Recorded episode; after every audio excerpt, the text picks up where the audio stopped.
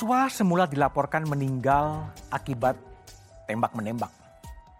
Informasi polisi, tembak polisi yang melibatkan Yosua dan Barada Richard Eliezer semula disiarkan oleh Mabes Polri. Kasus bergulir hingga akhirnya terungkap peristiwa sebenarnya bahwa tembak-menembak adalah skenario Sambo belaka. Polisi menjerat Sambo yang saat itu merupakan jenderal bintang 2 dengan pasal pembunuhan berencana. Tidak hanya Sambo, polisi pun menjerat Putri Chandrawati dan sejumlah ajudan serta asisten rumah tangga. Besarnya desakan publik untuk mengungkap kejanggalan dalam kasus ini membuat satu meja di forum mewawancarai Kapolri Jenderal Listio Sigit Prabowo secara eksklusif. Kapolri mengatakan Sambo sempat berbohong padanya dan Kapolri mengakui adanya tekanan dalam mengungkap kasus ini. Berikut cuplikannya. Di awal-awal, saudara FS ini kan menceritakan peristiwa skenario ah. yang terjadi di Duren 3 itu kan peristiwa tembak menembak. Oke. Okay. Ya, dan itu disampaikan ke banyak orang Hmm. Termasuk saya. Termasuk Pak Kapolri diceritain saya. skenario ya. pertama. Ya, sehingga pada saat itu saya tanyakan kepada yang bersangkutan, kamu jujur kamu terlibat atau tidak? Oke. Okay. Saya tanyakan dua kali saya tanyakan, saya sampaikan karena saya akan proses ini sesuai dengan fakta. Hmm. Jadi kalau kira-kira peristiwanya tidak seperti itu ceritakan, tapi kalau memang seperti itu nanti akan kita lihat pembuktiannya sesuai dengan fakta. Memang kemudian banyak muncul informasi-informasi kejanggalan ya, apalagi uh, pada saat kemudian meledak uh, dari keluarga almarhum, almarhum. Joshua di Jambi karena waktu itu dilarang untuk dimakamkan secara kedinasan. Dan itu kemudian semakin membesar sehingga kemudian kita putuskan saat itu untuk membentuk tim sus. tim sus. Ya, tim sus itu kita libatkan uh, para pejabat utama Polri yang memang langsung saya libatkan Wakapori, Pak Irwasum dan Kabar Eskrim dan Kabik serta uh, beberapa tim ya yang terlibat yang memiliki integritas. Saat awal kita minta untuk Sambo uh, kita nonaktifkan pada saat itu. Hmm. Kita nonaktifkan karena kami juga mendapatkan informasi-informasi bahwa ada kesulitan dari tim sus pada Di saat lapangan. itu untuk bisa bekerja dengan baik. Kemudian saya dalami dan ternyata memang saya mendapatkan informasi bahwa ada upaya untuk menghalang-halangi, mengintimidasi, bahkan membuat cerita-cerita di luar yang dilakukan untuk memperkuat skenario yang bersangkutan ke banyak orang lah kepada eh, orang-orang uh, yang dianggap memiliki pengaruh lah seperti itu. Sehingga kemudian kita putuskan untuk kita nonaktifkan. Kemudian kita lihat bahwa penyidik pun saat itu sempat takut. Sempat takut? Sempat takut. Karena ada bahasa-bahasa bahwa uh, mereka semua nanti akan berhadapan dengan yang bersangkutan. Sehingga dari situ kita putuskan eh, uh, 25 orang ya pada saat itu termasuk yang bersangkutan untuk kita mutasi demosi dan kita ganti dengan pejabat yang baru. Alhamdulillah begitu kita ganti saat itu uh, proses mulai berjalan lancar. Uh, mulai terbuka kemudian kejanggalan-kejanggalan yang pada saat itu kita dapat itu mulai bisa terjawab. Utamanya memang saat itu uh, kita mulai start dari masalah uh, perkenaan ataupun uh, temuan uh, balistik okay. di TKP yang berbeda dengan apa yang dia sampaikan. Dalam perjalanannya memang butuh waktu, mas, oh. butuh waktu uh, saudara Richard yang sempat saya panggil juga. Dipanggil oleh Pak Kapolri? Ya, saya tanyakan dan dia pada saat itu menjelaskan memperkuat skenario nya saudara FS. Oh awalnya memperkuat ya, skenario FS. Ya. Pada saat itu setelah kita copot beberapa orang, kita mutasi, kemudian kita tempatkan di tempat khusus, tempat khusus. 18 orang. Richard kemudian uh, merubah keterangan. Hmm. Saat itu Richard saya panggil lagi uh, di hadapan tim sus ya. Dia menjelaskan bahwa uh, dia mau merubah keterangannya karena pada saat itu yang bersangkutan dijanjikan oleh saudara FS bahwa kalau Richard mau membantu menjelaskan perannya sesuai dengan skenario awal yang terjadi tembak menembak itu dia akan dilindungi. Kan begitu? Oleh FS oleh FS namun faktanya kan pada satu si Richard kita tetapkan sebagai tersangka. Oke. Okay. sehingga kemudian dia sampaikan ke saya Pak saya tidak mau dipecat. Hmm. saya akan bicara jujur. Kan begitu? Hmm. jadi ini memang melalui proses yang cukup panjang. Dari situ kemudian uh, dia membuka awal bahwa saat itu dia melihat FS uh, memegang senjata dan menyerahkan ke dia. Tapi berikutnya uh, saya minta untuk didalami lagi. Yang bersangkutan kemudian menjadi lebih tenang. Kita serahkan kepada tim pada saat itu. Kemudian dia menulis kan, menulis.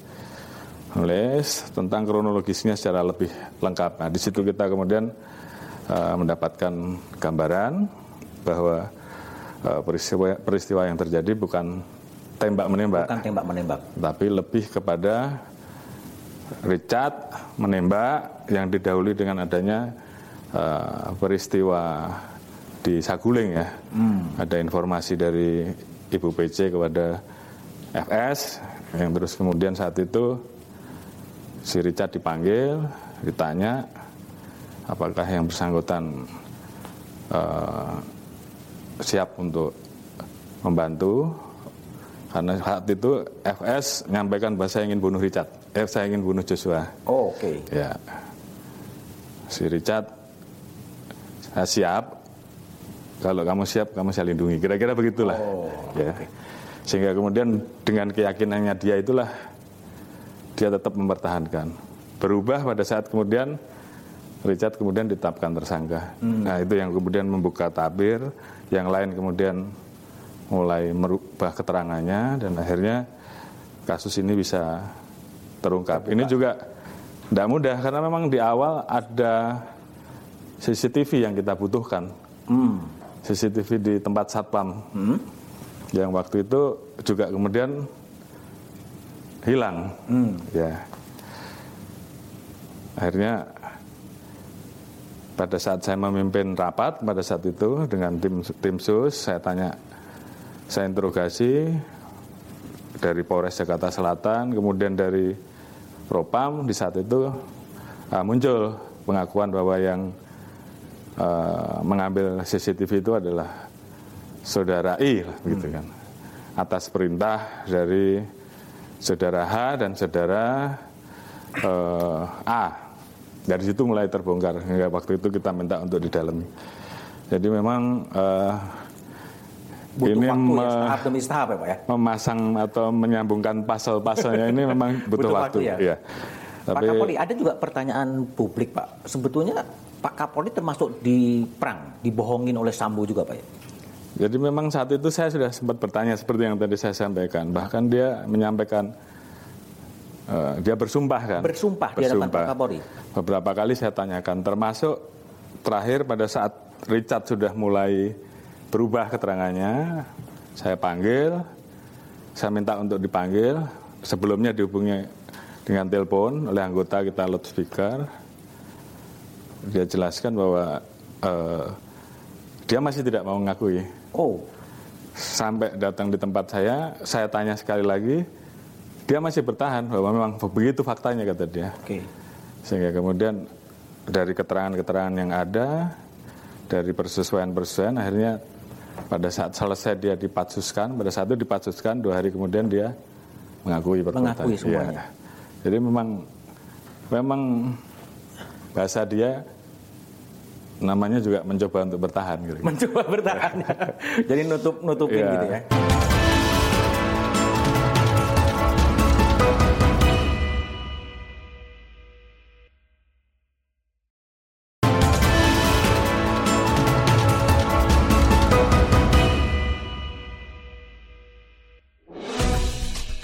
Rampung di tahap penyidikan, kasus Yosua masuk ke kejaksaan. Sebelum kasus pembunuhan Brigadir Yosua bergulir di persidangan, satu media forum sempat mewawancarai Jaksa Agung Sanitiar Burhanuddin. Saat itu kejaksaan mengatakan berkas perkara semua tersangka sudah lengkap dan siap disidangkan. Setelah berkas perkara sempat mondar-mandir dari polisi, jaksa karena dianggap belum memenuhi syarat formal maupun material. Bagaimana komitmen kejaksaan dalam mengawal kasus pembunuhan Yosua? Dan apakah jaksa akan menjerat Sambo dan keempat terdakwa lainnya dengan hukuman maksimal atau hukuman mati? Pak, kalau dari kacamata kejaksaan, seberapa rumit sih kasus ini sebetulnya? Hmm, kasus ini bagi kami, bagi jaksa itu biasa. Tidak terlalu.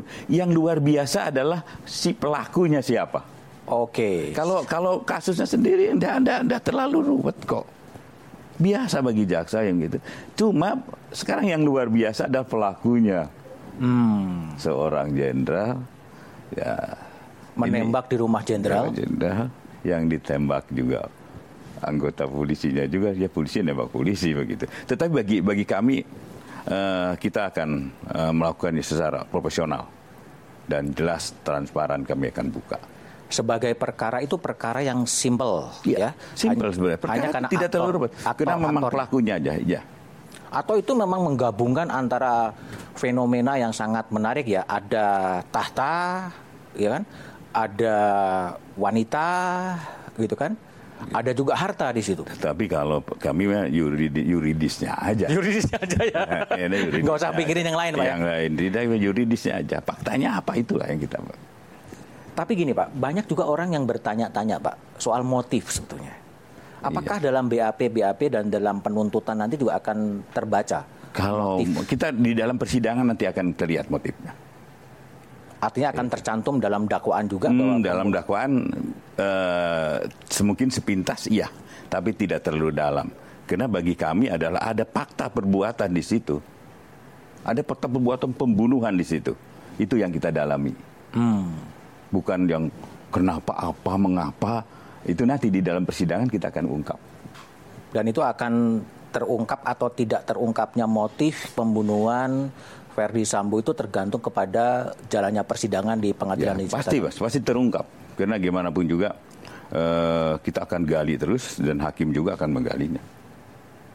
Oke, jadi kalau kembali kepada strategi penuntuan Pak Jaksa Agung, nanti uh, dua berkas pembunuhan berencana yeah. dan obstruction of justice itu split perkaranya. Ya sekarang sendiri-sendiri berkasnya sendiri-sendiri. Kalau dalam dakwaan nanti tergantung kebutuhan. Jaksa lah yang akan menentukan apakah perkara ini digabung atau tersendiri. Jadi tergantung kepada nanti jaksa bisa untuk mempermudah pembuktiannya. Itu yang menjadi pertimbangan jaksa. Hmm, jadi pertimbangannya semata-mata sejauh mana jaksa ini lebih mudah ya, membuktikan, membuktikan dakwaannya. Ya. Berapa jaksa Pak? Untuk PSCS 340 itu 30 jaksa. Untuk 340? Ya, itu kemudian untuk untuk uh, obstruction of justice penghalang-halangan penyidikan itu sekitar 45 jadi tu, jadi 75 jaksa ya, sebetulnya kira-kira yang akan siap. dilibat di, dilibatkan dalam ya, penanganan betul, perkara betul, itu sendiri. Betul. Pak, jadi kalau sekarang gini, banyak publik atau melalui survei-survei opini publik yeah. yang mungkin menjatuhkan vonis jalanan lebih dulu. Tuntutan belum diajukan, yeah, vonis hakim juga belum diajukan, tapi berbagai lembaga survei karena kegeraman-kegeraman publik, kemudian ancaman yang paling tepat bagi Verdi Sambo itu adalah ancaman mati. Gimana Pak Jaksa Agung merespon itu? Hmm, gini Mas, hukum itu bukan matematik. Bukan matematik. Bukan matematik hukum itu. Jadi kita akan melihat nanti hal-hal yang meringankan dan memberatkan. Di situ pertimbangannya. Bukan ini hukuman 340 bisa hukuman maksimalnya mati. Ya, itu matematik. Jadi dalam dalam uh, penghukuman dalam tuntutan itu begini Mas. Ini kis by kis gitu. Tidak ada satu perkara yang persis sama tidak akan ada. Tidak ada satu perkara itu sama satu satu tidak akan. Karena di dalam perhitungan jaksa nanti ada yang hal-hal yang meringankan, ada yang memberatkan. Walaupun modusnya sama, tetapi tidak bisa dihitung begitu. Jadi kalau publik kemudian sudah mendahului sebagai ya, ya, monggo monggo aja. Monggo, Tapi monggo. nanti nanti gini, kita akan lakukan seprofesional mungkin. Kita juga akan secara terbuka, transparan, dan monggo nanti publik akan menilainya. Nggak kita ada. juga kalau kalau pengennya seorang gini mas, seorang jaksa itu akan uh, kepuasan batin seorang jaksa akan terpenuhi apabila seorang jaksa itu bisa membuktikan bahwa itu perbuatan 340 Hmm. Itu itu 340 hukumannya maksimal itu ada kepuasan batin bagi seorang jaksa. Ini bukan tapi bukan bukan balas dendam bukan hmm, ya. Hmm, hmm. Tapi itu kepuasan batin hasil kinerja seorang jaksa. Ya tentunya aja kalau 340 maunya maksimal. Itu jaksa pasti inginnya begitu. Tapi banyak juga orang yang mewanti-wanti bahwa pembunuhan berencana itu dengan saksi dan bukti yang sangat terbatas Siap, itu betul. punya kelemahan. Mudah punya. Jadi ini Mas, ya tapi saya uh, saya tidak akan mengupas ke sana. Tapi ada hal-hal tertentu yang sangat riskan untuk itu. Sangat riskan Dan, ya, untuk karena ini kan uh, saksi-saksinya ya itu itu juga. Tapi close dulu deh Mas. Okay. Tolong beri kesempatan kami untuk betul-betul menguatkan dakwaannya. Oke. Okay. Itu kan nanti uh, bisa menjadi saksi mahkota Pak Jaksa Agung. Ya, mereka kami dia saksi mahkota semua. Karena kan yang tahu itu itu juga ya saksi mahkota semua. Ini memberikan kesaksian untuk yang ini, ini saksian untuk yang ini. Dan itu sejauh yang Bapak Jaksa Agung tangkap alat bukti alat bukti yang diserahkan oleh kepolisian sudah cukup lengkap dengan struktur ya. saksi mahkota itu. Iya, iya. Ini fakta yang ada kemudian dari data-data yang ada dan jaksa menyatakan ini cukup lengkap, cukup berkas perkaranya untuk disidangkan itu. Karena ada pengalaman juga di kasusnya uh, Marsinah dengan iya. menggunakan yeah. saksi mahkota. Yeah. Kemudian juga kemudian dibatalkan oleh Hakim Agung Adi yeah. Andoyo Sucipto bahwa yeah. kemudian terlepas ada unsur penyiksaan di sana. Iya, yeah. iya. Yeah. Itu juga kita sudah perhitungkan semua itu.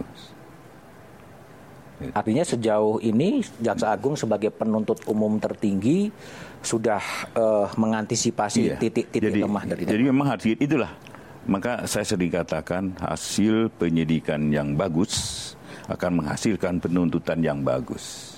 Artinya sinergitas antara penyidik dan penuntut umum itu harus ada.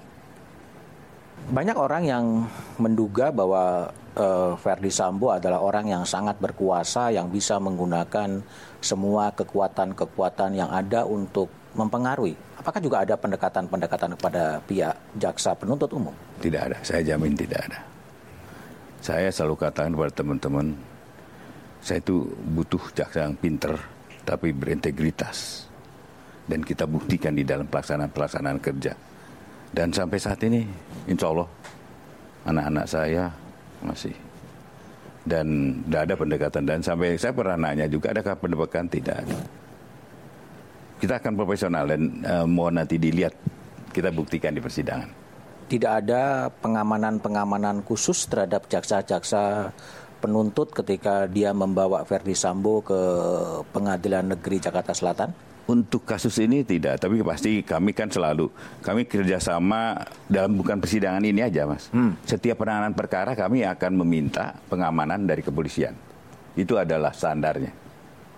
Oke, karena juga banyak orang yang kemudian uh, rumor yang beredar di luar bahwa ada hakim-hakim yang kemudian berpandangan kalau bisa tidak menangani, mendingan tidak menangani.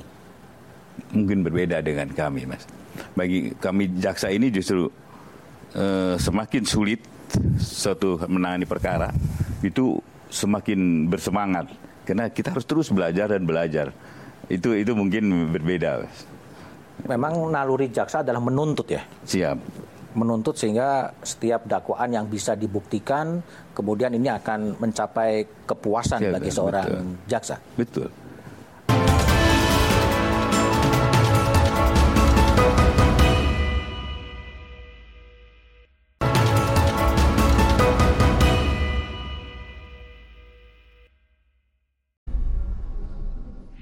Persidangan pembunuhan Brigadir Yosua sudah digelar.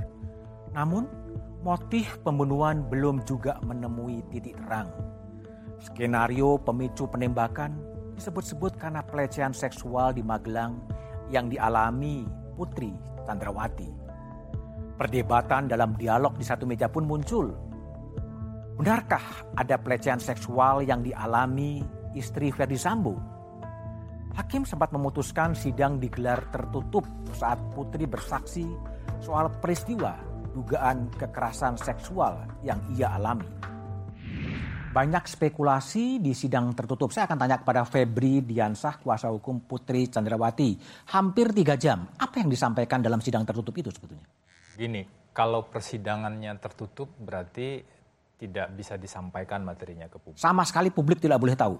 Uh, Pertama, kami ingin tegaskan pada dasarnya kami uh, punya komitmen yang sama. Agar persidangan ini dilakukan secara objektif dan secara terbuka. Okay. Tapi memang ke, uh, peraturan perundang-undangan kita termasuk ada pedoman uh, mengadili perempuan dan anak yang dibuat oleh Mahkamah Agung memungkinkan ada bagian tertentu yang dibuat tertutup dan tentu itu sudah diputuskan oleh majelis hakim. Hmm. Kalau kita dengar tadi Bu Putri menyampaikan kalau diperkenankan persidangannya tertutup. Jadi sebenarnya itu sepenuhnya kembali pada. Uh, Tapi itu artinya atas permintaan Putri Chandrawati yang meminta kalau diperkenankan sidang itu tertutup. Ya sebagai korban, hmm? korban dugaan kekerasan seksual tersebut wajar Bu Putri meminta hal tersebut. Okay.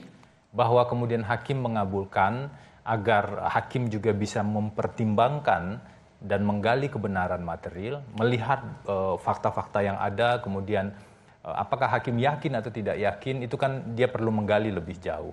Dan saksi pada saat itu tentu perlu bicara dalam keadaan tanpa tekanan, dalam okay. keadaan bebas, dan kita tahu seorang korban kekerasan seksual, dia punya hambatan psikologis yang sangat besar pada saat. Adakah sesuatu yang tidak pernah didengar publik dalam kesaksian hampir tiga jam yang disampaikan oleh Putri Chandrawati?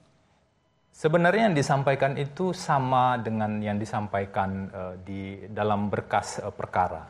Sama. Jadi secara detail yang disampaikan adalah uh, peristiwa yang terjadi pada tanggal 7 okay. yang uh, kita sebut dengan dugaan kekerasan seksual. Jadi terminologinya sebenarnya ada beberapa. Kalau kita bicara soal undang-undang yang terbaru di tahun 2022 itu konsepnya kekerasan seksual. Ada berbagai bentuk kekerasan seksual. TPKS. Ya, TPKS. Okay. Kalau bicara di KUHP, babnya terkait dengan asusila. Inilah okay. yang disebut oleh eh, Kapolri pada saat itu hmm. dalam rapat dengar pendapat dengan DPR dalam bahasa yang lain tadi Prof Mahfud Menko Polhukam hmm. menyebut uh, secara berbeda. Hmm. Tapi poin utamanya adalah kalau bagi kami ya uh, bagaimana membuktikan adanya dugaan kekerasan seksual okay. tersebut. Kami paham kasus ini bukanlah kasus yang menggunakan delik TPKS. Hmm. Betul, kami memahami itu. Okay. Tapi dalam rangkaian peristiwa pidana, dugaan pembunuhan atau pembunuhan berencana ini ada satu peristiwa yang kami identifikasi terjadi pada tanggal 7 yaitu dugaan kekerasan seksual. Yang menjadi penyebab?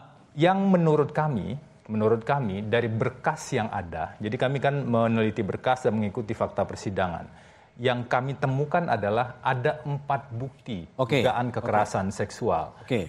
Empat bukti ini mulai dari keterangan saksi, kemudian keterangan ahli, okay. alat bukti surat, hasil pemeriksaan psikologi forensik okay. yang dilakukan oleh ahli yang diminta oleh uh, penyidik Mabes Polri ya pada saat itu bukan kuasa hukum. Dan yang keempat ada yang disebut dengan bukti petunjuk. Hmm. Dalam konteks ini adalah circumstantial evidence. Dan itu terungkap di Putri Chandrawati ketika dalam sidang tertutup semua, diungkapkan. Bu Putri hanya mengungkapkan apa yang ia ketahui dan apa yang ia rasakan pada saat itu. Oke. Okay. Bu Putri tidak mengungkapkan bukti-bukti yang ya, lain ya. karena bukti yang lain kan yang mengungkapkan ada ahli, ya, okay. ada surat dan ada dua saksi yang melihat secara persis Bu Putri keluar uh, di luar kamar. Jadi okay. pasca peristiwa dugaan kekerasan seksual itu uh, dua saksi ini melihat Bu Putri dalam keadaan setengah pingsan. Setengah pingsan. Setengah pingsan. Waktu itu misalnya Kuan Ma'ruf mengatakan Bu Putri tertutup matanya tapi uh, semuanya berantakan. Okay. Susi juga melihat sebagai ART pada saat itu. Okay. Jadi apa pun yang terjadi di dalam kamar mereka melihat ada kekerasan, ada dampak kekerasan yang dilihat di luar kamar. Oke. Okay. Kalau yang terjadi di kamar, kita tidak bisa uh, punya saksi yang lain.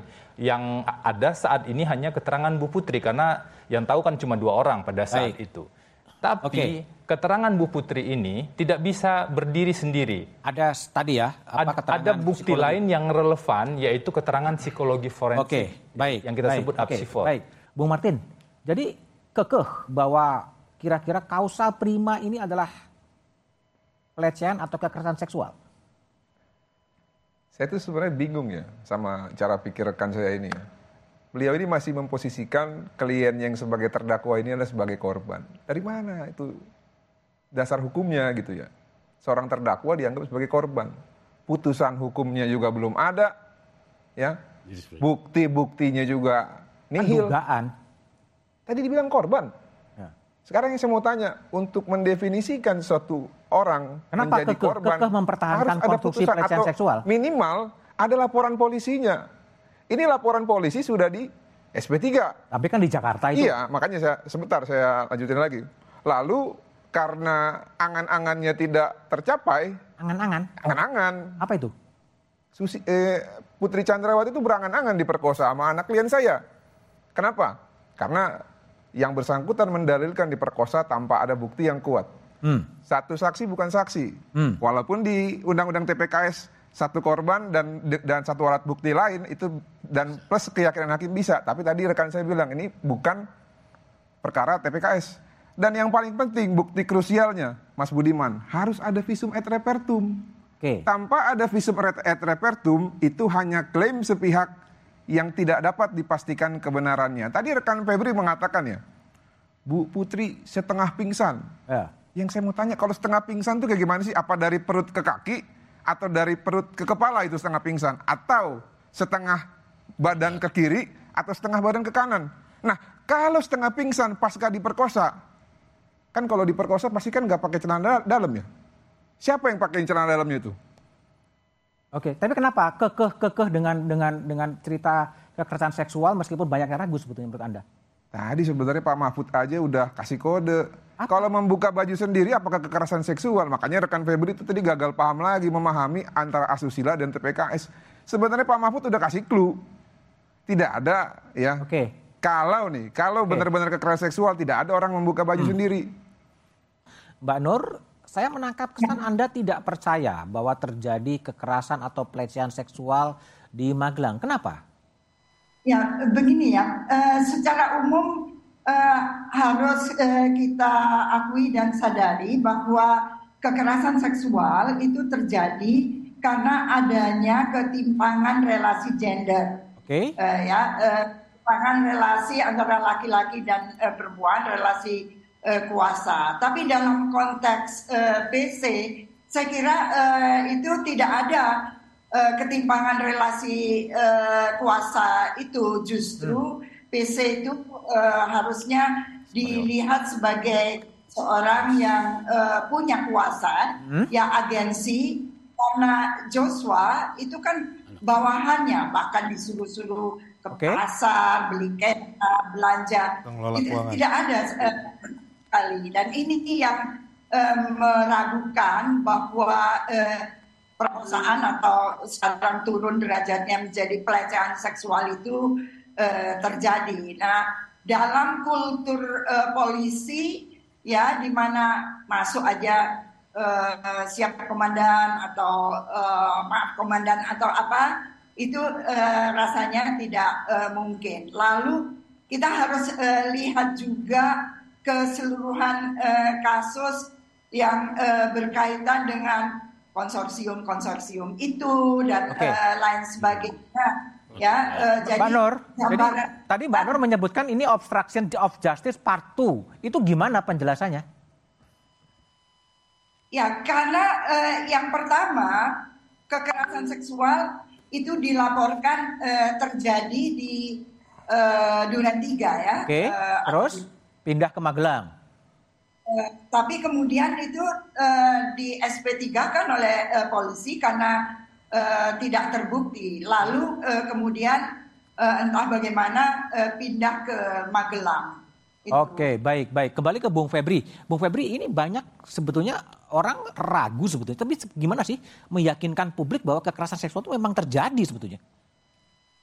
Saya tidak bisa salahkan kalau banyak pihak yang ragu. Kenapa okay. ya? Karena tadi yang disampaikan oleh Mbak Nur, ada keraguan yang timbul di publik karena pernah ada fase, Hah? ada tahapan yang namanya fase skenario fase pembohongan lah ya kira-kira gitu. Fase kegelapan, fase kebohongan dan lain-lain. Okay. Ketika saya dan teman-teman itu bertemu dengan Pak Ferdi Sambo, saya bilang kita sulit menjelaskan pada publik kejadian yang sebenarnya tanpa mengakui terlebih dahulu ada fase ini. Hmm. Nah, itulah yang juga kami buktikan dalam proses persidangan hmm. dan diakui sebenarnya oleh Pak Ferdi Sambo. Kalau kita bicara fase skenario, ada dua skenario sebenarnya.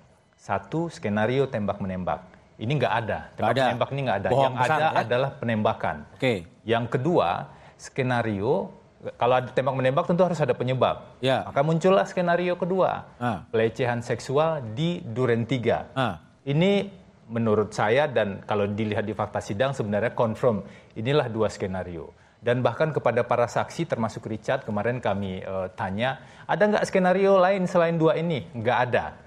Artinya apa? Kita pisahkan dulu mana fase kegelapan dan mana fase berikutnya agar ya. tidak tercampur. Itu yang pertama. Yang kedua, eh, sebenarnya tidak tepat juga kalau mengatakan awalnya di Duren 3 kemudian pindah ke Magelang. Sebenarnya tidak tepat karena justru di fakta-fakta awal yang muncul itu peristiwa sebenarnya adalah dugaan kekerasan seksual di Magelang. Oh. Eh, kami ketika baru menjadi kuasa hukum juga tentu tidak bisa langsung menelan sepenuhnya. Hmm. Makanya kami lakukan verifikasi.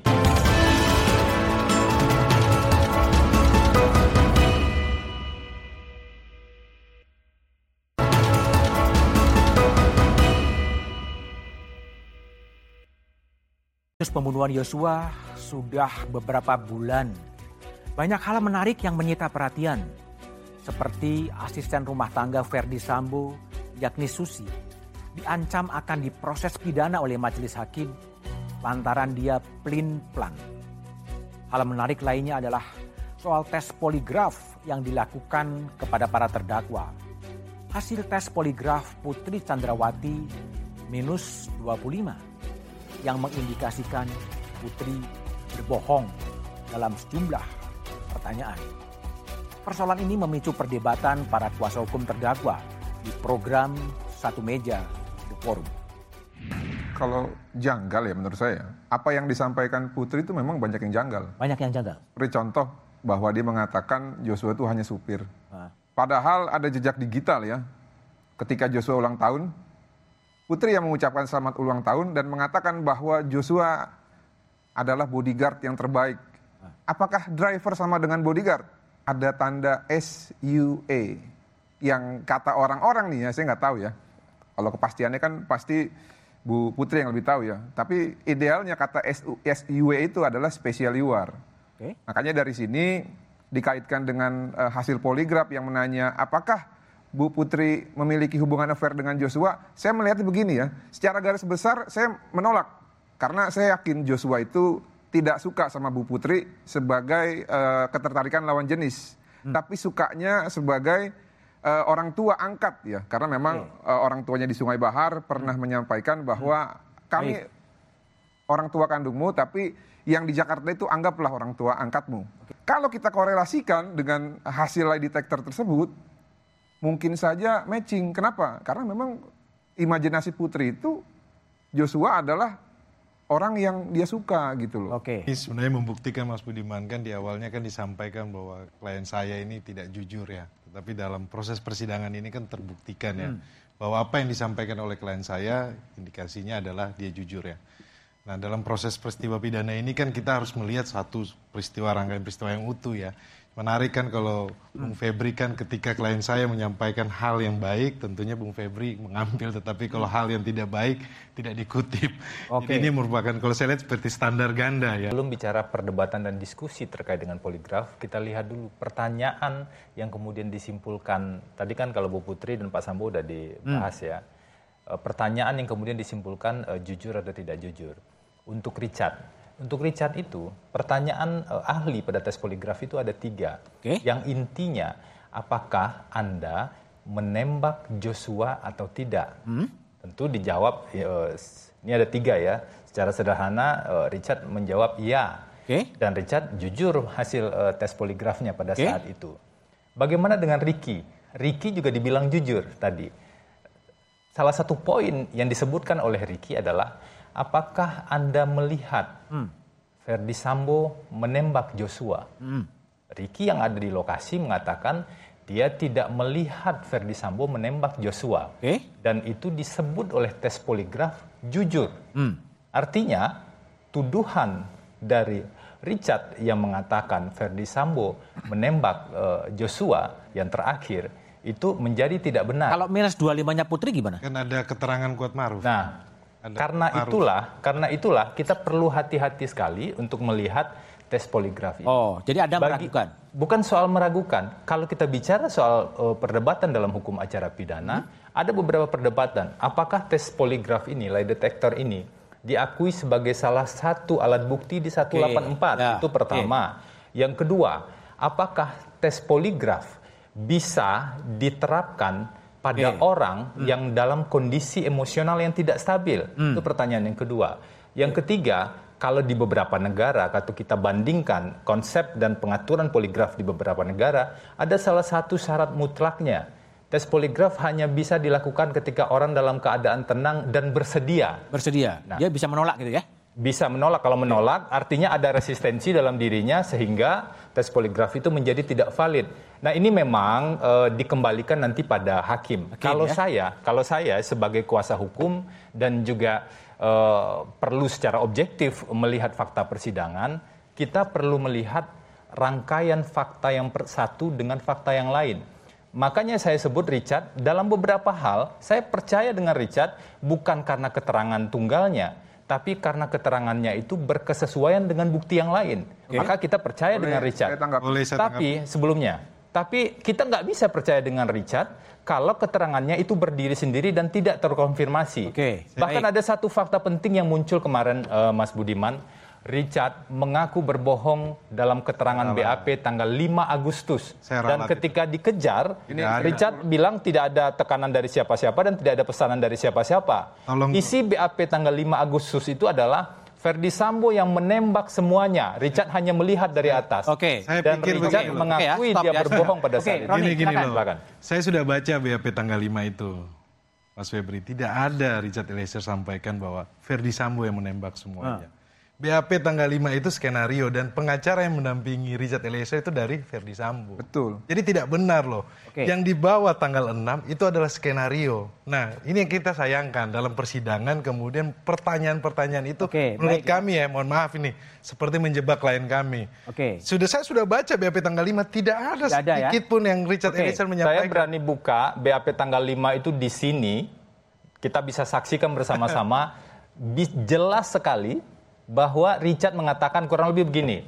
Richard dari atas, kemudian dia bilang uh, jadi pertama ya, ya, pertama ketika Richard disuruh ke lantai tiga, ketemulah sama Ferdi Sambo. Ferdi Sambo kemudian meminta senjata Glocknya Richard. Hmm. Kemudian Ferdi Sambo seolah-olah membawa senjata Glocknya Richard. Okay. Di Duren tiga, Richard naik ke lantai dua dan kemudian mendengar suara letusan di bawah. Oke, okay, baik ya. Dia turun, Ferdi Sambo, uh, Joshua sudah tergeletak, Ferdi Sambo menembak dia. semuanya, dan kemudian Ferdi Sambo menyerahkan senjata ke Richard. Itu BAP tanggal 5 yang pertama kali berubah dari skenario dan Richard mengakui dia bohong pada saat nah, itu. BAP itu Ketika kami kejar. Oke, okay. Coba Roni, BAP itu kita harus lihat bersama dong, Mas. Iya, makanya bisa kita lihat bersama. Jangan jangan jangan ini sepotong maksud saya. Persidangan Ferdi Sambo sedang bergerak ke babak akhir Mampukah hakim mewujudkan rasa keadilan bagi publik dan keluarga Yosua? Publik menanti vonis hakim melalui proses kebenaran yang harus diungkap di persidangan demi tegaknya keadilan. Demikian satu menjadi forum. Kita bertemu di tahun yang baru. Sampai jumpa.